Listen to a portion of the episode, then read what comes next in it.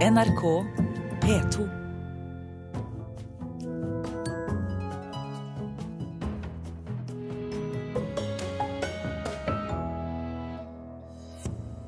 Støtteordningen for knutepunktfestivaler skal gjennomgås av kulturministeren.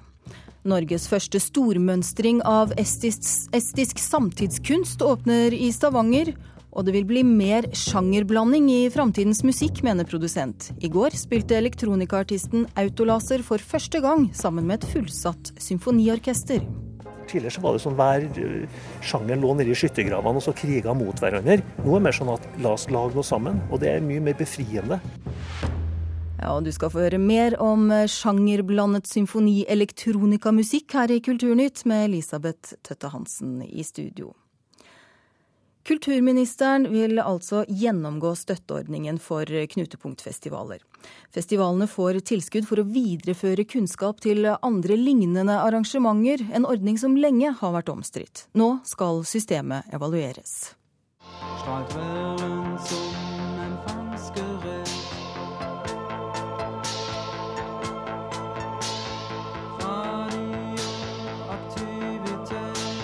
de tyske elektronikalegendene i Kraftverk på Øyafestivalen. En av tolv knutepunktfestivaler i landet. Knutepunktstatusen skal gå til de største innen sitt felt, og skal etter det nylig framlagte statsbudsjettet få 81 millioner kroner tildelt neste år. Men nå vil nyslått kulturminister Toril Vidvei se nærere på ordninga. Så vil vi se på hele knutepunktordningen. Og det som er viktig å understreke, det er jo at eh, en forutsetning er at disse knutepunktene har en kompetanseoverførende funksjon overfor andre festivaler i, i samme felt. Alle partier som før valget var i opposisjon, har tatt til orde for å evaluere ordninga. Og med Høyre i kulturministerstolen er gjennomgangen nå på vei. Knutepunktstatus, når noen har fått det, så mottar de eh, statlig støtte. Og det er klart at det blir jo da en veldig stor Eh, forskjell i forhold til de som da ikke har det. Den meninga deler bookingansvarlig Thomas Moen for festivalen Målrock i Årdal. Jeg syns det er rett urettferdig egentlig at, at eh, enkelte skal få, eh, skal få så mye, og, og andre skal få så lite en av de mange som ikke har fått knutepunktstatus, og derfor må klare seg med minimalt av offentlige midler. Vi sitter jo ikke igjen med noe som, som, privatpersoner, og alt er jo på dugnad. Det er jo, eh, det er jo eh, flere hundre folk i dugnad. Knutepunktpengene skal brukes til å hjelpe de mindre festivalene i området opp og fram, men har fått kritikk fra en mengd festivalarrangører for å gjøre store festivaler større og utkonkurrere de mindre i stedet. PR-sjef for Øyafestivalen, Jonas Prangerød, kjenner seg ikke att i kritikken. Nei, vi, vi har fått uh, satt i gang uh, ganske mye. Vi har ganske mange konkrete resultater og eksempler på um, både artister og andre festivalarrangører, andre bransjeaktører i Norge som som både er fornøyd med måten vi har gjort det på, og som har fått da veldig konkrete uh, resultater av det. Han håper på en videreføring av ideen bak knutepunktordninga, og at ikke pengene forsvinner etter evalueringa. Jeg håper altså at, at også den nye regjeringa ser verdien av å bruke noen midler på uh, etablerte arrangører som har nettopp det nettverket og de rammene som skal til for, for å uh, sette i gang prosjekter som kan komme liksom, en hel bransje til, eh, til gode.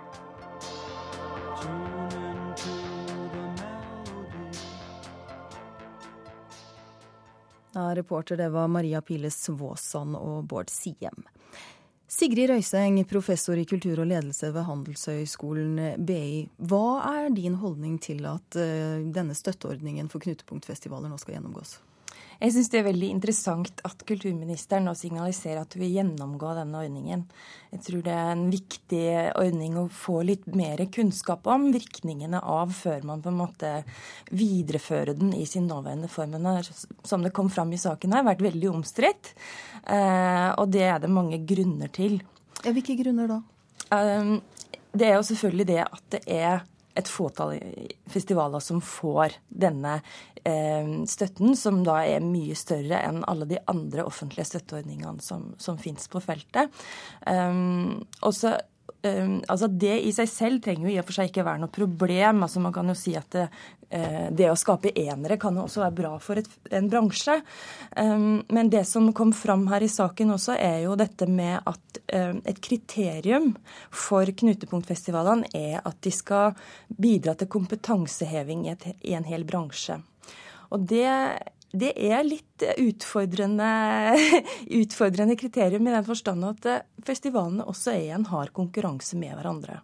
Og for å drive en kompetanseutvikling i et felt, og eh, dele raust av den kompetansen man har, så må man på en måte ha et felles målsetting. Og det kan være lett å sette en sånn målsetting i politikken. Men det kan være mye vanskeligere å realisere den i praksis men mener i en bransje. At, mener du at den delingen ikke fungerer som den skal i dag, er det det du sier? Det jeg mener er at eh, det er på høy tid å gjøre, en, gjøre opp status for hvorvidt knutepunktordningen først og fremst kommer enkeltfestivalene, altså de som får støtten til gode, eller om det faktisk etter hensikten bidrar til å løfte hele bransjen.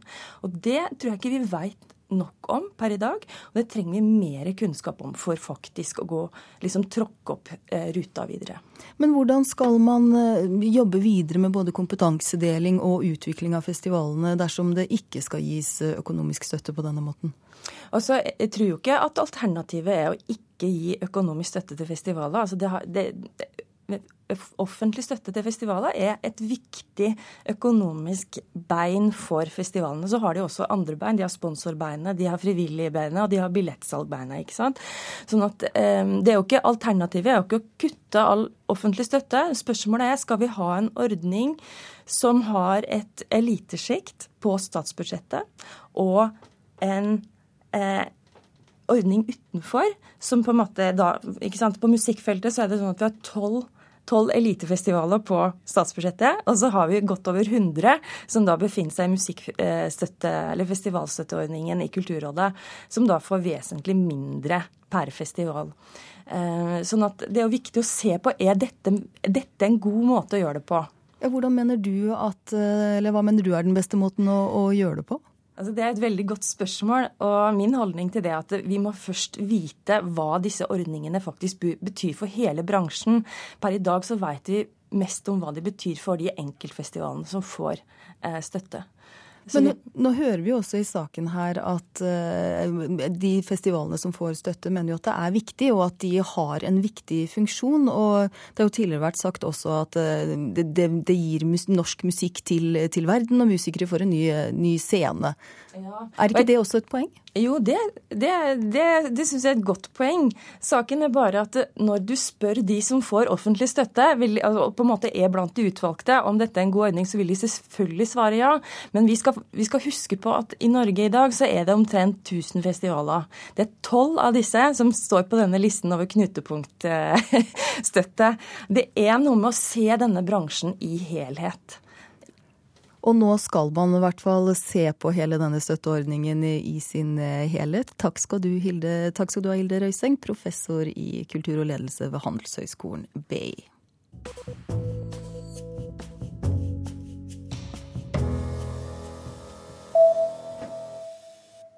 Sosiale medier har hatt avgjørende betydning for rekrutteringen til det ekstreme islamistmiljøet i Norge. Det skriver Aftenposten, som viser til en ny rapport fra Politihøgskolen om radikalisering og voldelig ekstremisme. Ifølge rapporten bruker islamistene bl.a. voldsretorikk og sterke bilder for å spre sitt budskap og rekruttere nye medlemmer gjennom sosiale medier. Ingen storbyer i Norden har så få bibliotek per innbygger som Oslo og Bergen. Oslo kommer desidert verst ut av de nordiske hovedstedene når det gjelder antall filialer. Det viser en gjennomgang utført av Klassekampen. I Oslo må 37 000 mennesker dele ett bibliotek, mens i den finske hovedstaden Helsingfors, som er om lag like stor, er tallet 16 000. Bergen kommer dårligst ut, med 38 000 per filial. Og kunsttyven som stjal malerier for rundt 150 millioner kroner fra kunstmuseet i Rotterdam, vurderer å saksøke museet pga. dårlig sikkerhet. Den rumenske mannen mener kunstmuseet bør ta sin del av skylden for tyveriet, siden ingen av maleriene var utstyrt med alarm, skriver nyhetsbyrået AFP. Maleriene av Picasso, Monet og Gauguin er fortsatt på avveie ett år etter tyveriet. Og kunsttyveriet kan straffes med opptil 20 års fengsel.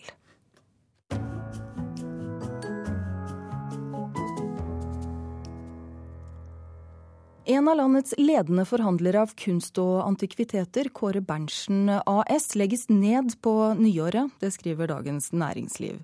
Selv om det har vært noen tøffe år i kunstbransjen, skyldes ikke avviklingen økonomiske resultater. Kåre Berntsen, en av de mest sentrale kunstaktørene i landet, stenger nå dørene. Daglig leder Thomas Berntsen avvikler driften i selskapet, og legger derfor ned virksomheten på nyåret. Kåre Berntsen har siden 1950-årene bygget seg opp til en betydelig aktør i det norske og internasjonale kunstmarkedet, særlig innen formidling av Edvard Munchs kunst. Selskapet har siden finanskrisen slitt med inntjeningen, og driften har de siste fire årene gått med et samlet tap på 35 millioner. Men daglig leder Berntsen avviser at beslutningen om å legge ned driften henger sammen med økonomiske resultater.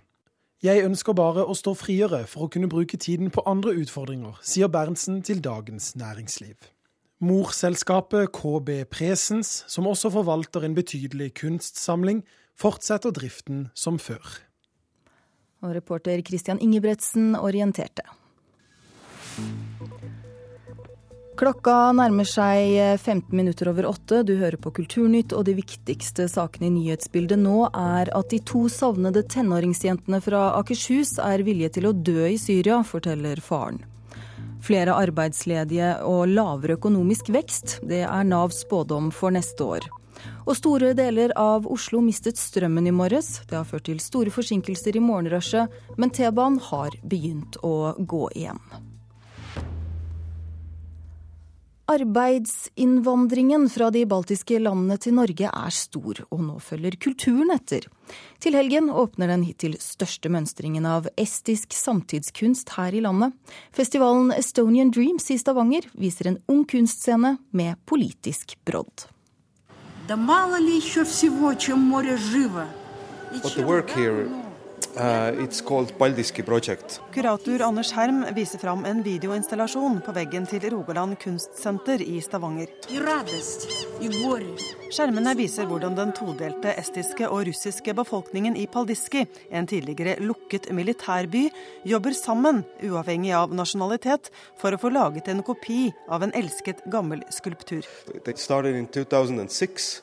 And now, in 19th of October 2013, the sculpture was finally realized. Why did you choose to bring it here? Because it's suited into this frame of, of being critical of uh, this kind of mainstream Estonian uh, politics and, and also certain trends in the society which uh, praise uh, nationalism and, and kind of uh, divide the community rather than bring them together. Installasjonen passer med sitt kritiske blikk godt i mønstringen Estonian Dream, estlandsk drøm, som nå åpner i Stavanger, sier Herm. Kunstnerne Johnson ja Johnson bringer folk sammen i lokalt fellesskap, som en motvekt til dagens nasjonalistiske strømninger i Estland, sier han.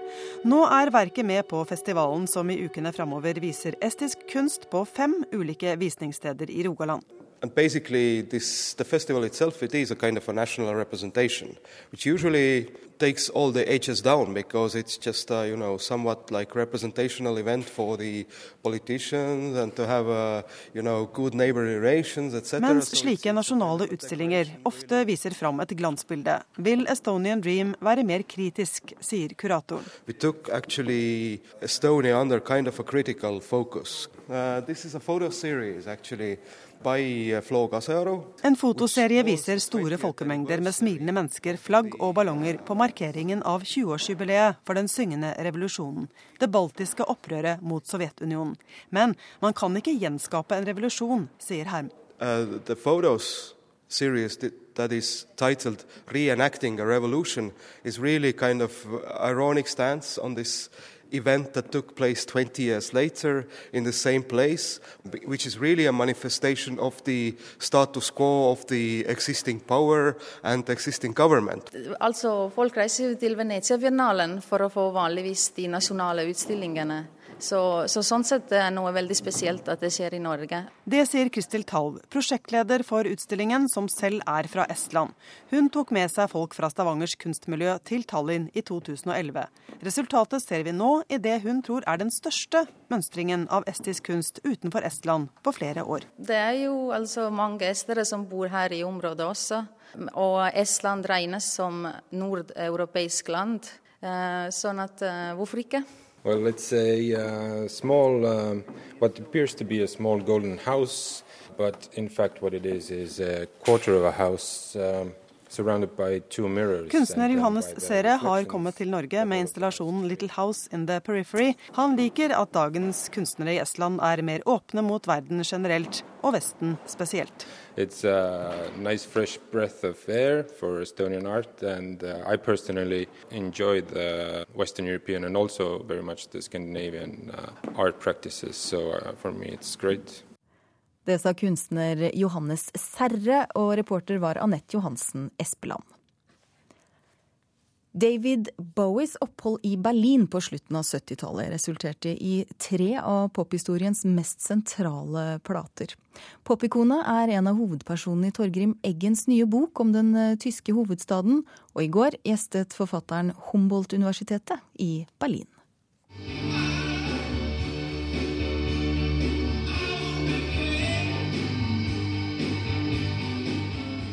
David Bowies opphold i Berlin på 1970-tallet var en stjernestund i byens nyere musikkhistorie. Og albumet 'Heroes', som ble laget i Berlin, regnes som en av rockens klassikere. I sitt musikkforedrag i går kveld understreket Torgrim Eggen at tysk 70-tallsmusikk var en viktig del av grunnlaget for David Bowies fornyelse av popmusikken. Og forfatteren gir gjerne det britiske musikkikonet noe av æren for sin kjærlighet til Berlin. Jeg, tror, jeg, tror, det var en del av det som, som fikk meg til å lenges til, til Berlin. Altså at uh, det oppsto en sånn form for, uh, for romantikk rundt det.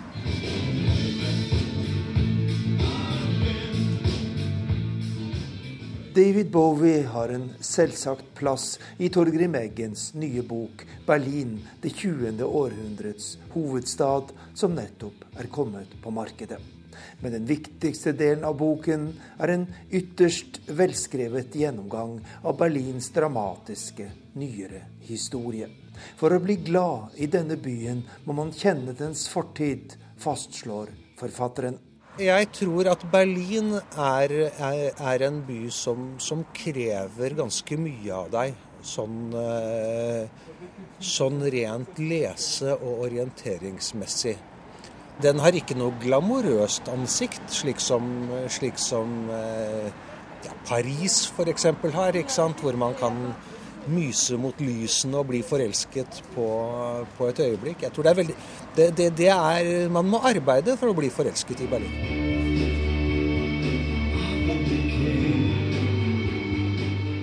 Torgrim Eggens bok er et byportrett der historie og kultur er de viktigste ingrediensene.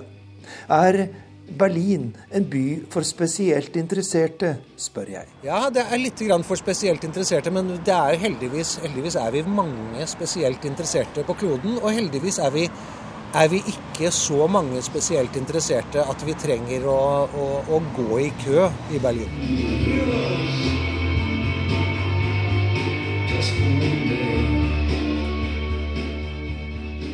Reporter var Arnt Stefansen.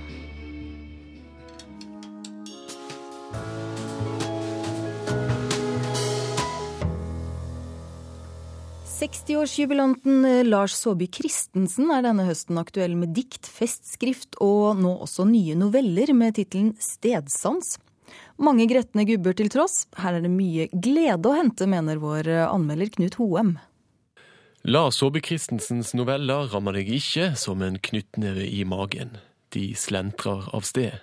De er et biprodukt i Saabys evigpumpende metaforfabrikk. De krysser sine spor. Løvet drev som gul applaus i en luft som ligner sølv. Synkronsvømmerne er vannliljer i klor. Og hvis samlivet er en seilas, hva gjør vi da når det blir vindstille?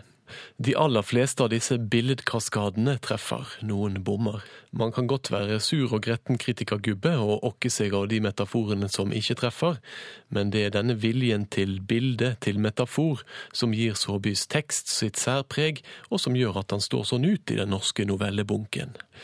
I hver fortellings midte står det som regel en mann på min alder eller eldre. Denne mannen er forfatter, lege eller kanskje en fallert selger. Han kan minne litt om Bill Murray i Sofia Coppolas film Lost in Translation. Han er temmelig ensom. I den første novellen med tittel Teater blir han trukket opp på scenen og må sitte i en stol vendt mot publikum gjennom hele forestillingen.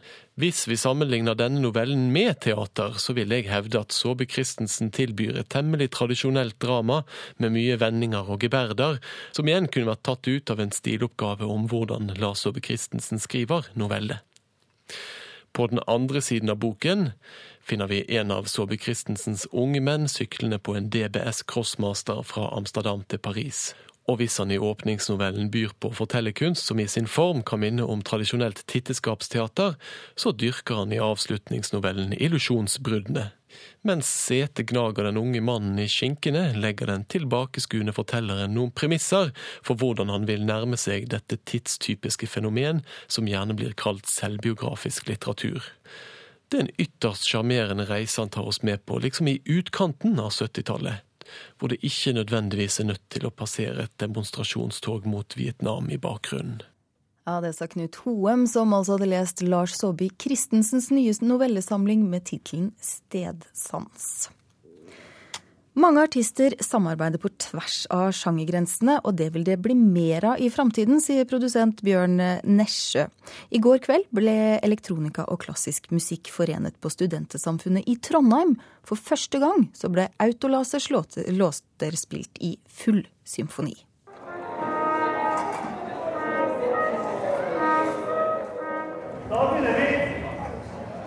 Inne i storsalen på Studentersamfunnet gjør 30 symfonikere seg klar til å gå på scenen, som er både lyd og lyssatt. For meg er det faktisk helt perfekt.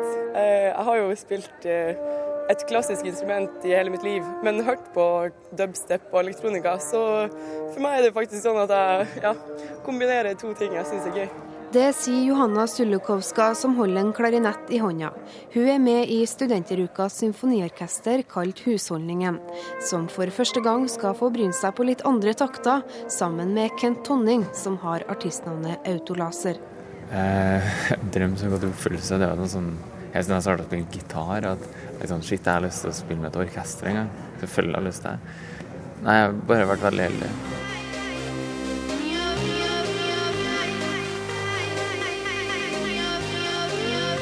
Autolaser er kjent både i inn- og utland for sin spesielle elektronikamusikk. Men aldri før har hans musikk blitt spilt ut i full symfoni. Jeg, jeg må komme inn riktig. Og hvis jeg snubler, så snubler alle. Da går hele driten ned.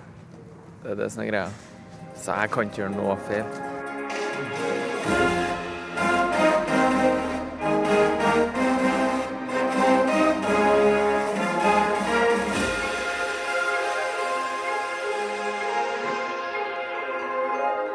Tidligere så var det sånn hver eh, sjanger lå nede i skyttergravene og så kriga mot hverandre. Nå er det mer sånn at la oss lage noe sammen, og det er mye mer befriende.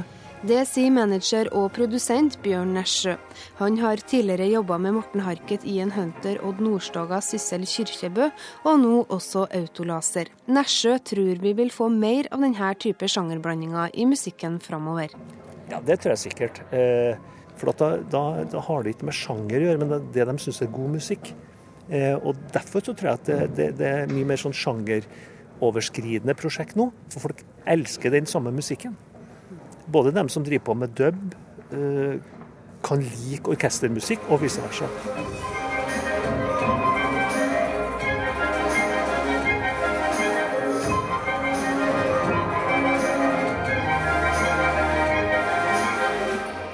Musikken Symfoniorkesteret og Autolaser spiller er nyarrangert av orkesterleder Kjetil Bjerkestrand. Han har tidligere samarbeida med musikere på tvers av sjangre, men aldri før med elektronika og klassisk. Jeg syns det er alltid morsomt med sånne møter. Jeg har gjort mye sånne møter mellom, mellom stilarter som kanskje naturlig ikke hører sammen. Det er mye tematiske ting, altså som er egentlig i slekt med klassisk musikk. Så det kan de kjenne seg igjen i. Men det som er spesielt, er kanskje at det er mye repeterende ting.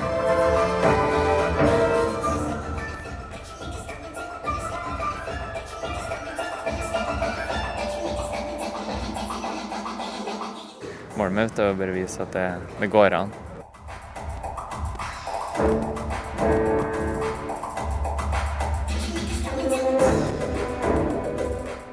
Studentersamfunnet er forvandla til et diskotek, og de klassiske musikerne tramper takta med både hode og instrument. Og Joanna er meget fornøyd. Ja, for meg så gir livet mening når de her to sangene møtes, rett og slett. det sa Joanna Sulkowska, og reporter det var Kaja Kristine Næss. Og i morgen kommer for første gang et Asterix-album, tar vi med helt til slutt der, som ikke er tegnet av Albert Uderzo. Innholdet er blitt holdt strengt hemmelig, men i dag trykker Daily Telegraph et utdrag og kan avsløre at handlingen denne gang er lagt til Skottland. Albumet vil også foreligge i skotsk-gælisk oversettelse for den som kan sånt. Og med det var Kulturnytt over for denne gang. Vi har bl.a. nevnt at den omstridte støtteordningen for knutepunktfestivaler skal evalueres av kulturministeren. BI-professor i kultur og ledelse mener Festival-Norges tilskuddsordninger har godt av en gjennomgang. Produsent i dag Halvor Haugen, tekniker Hanne Lunås og programleder Elisabeth Tøtte Hansen.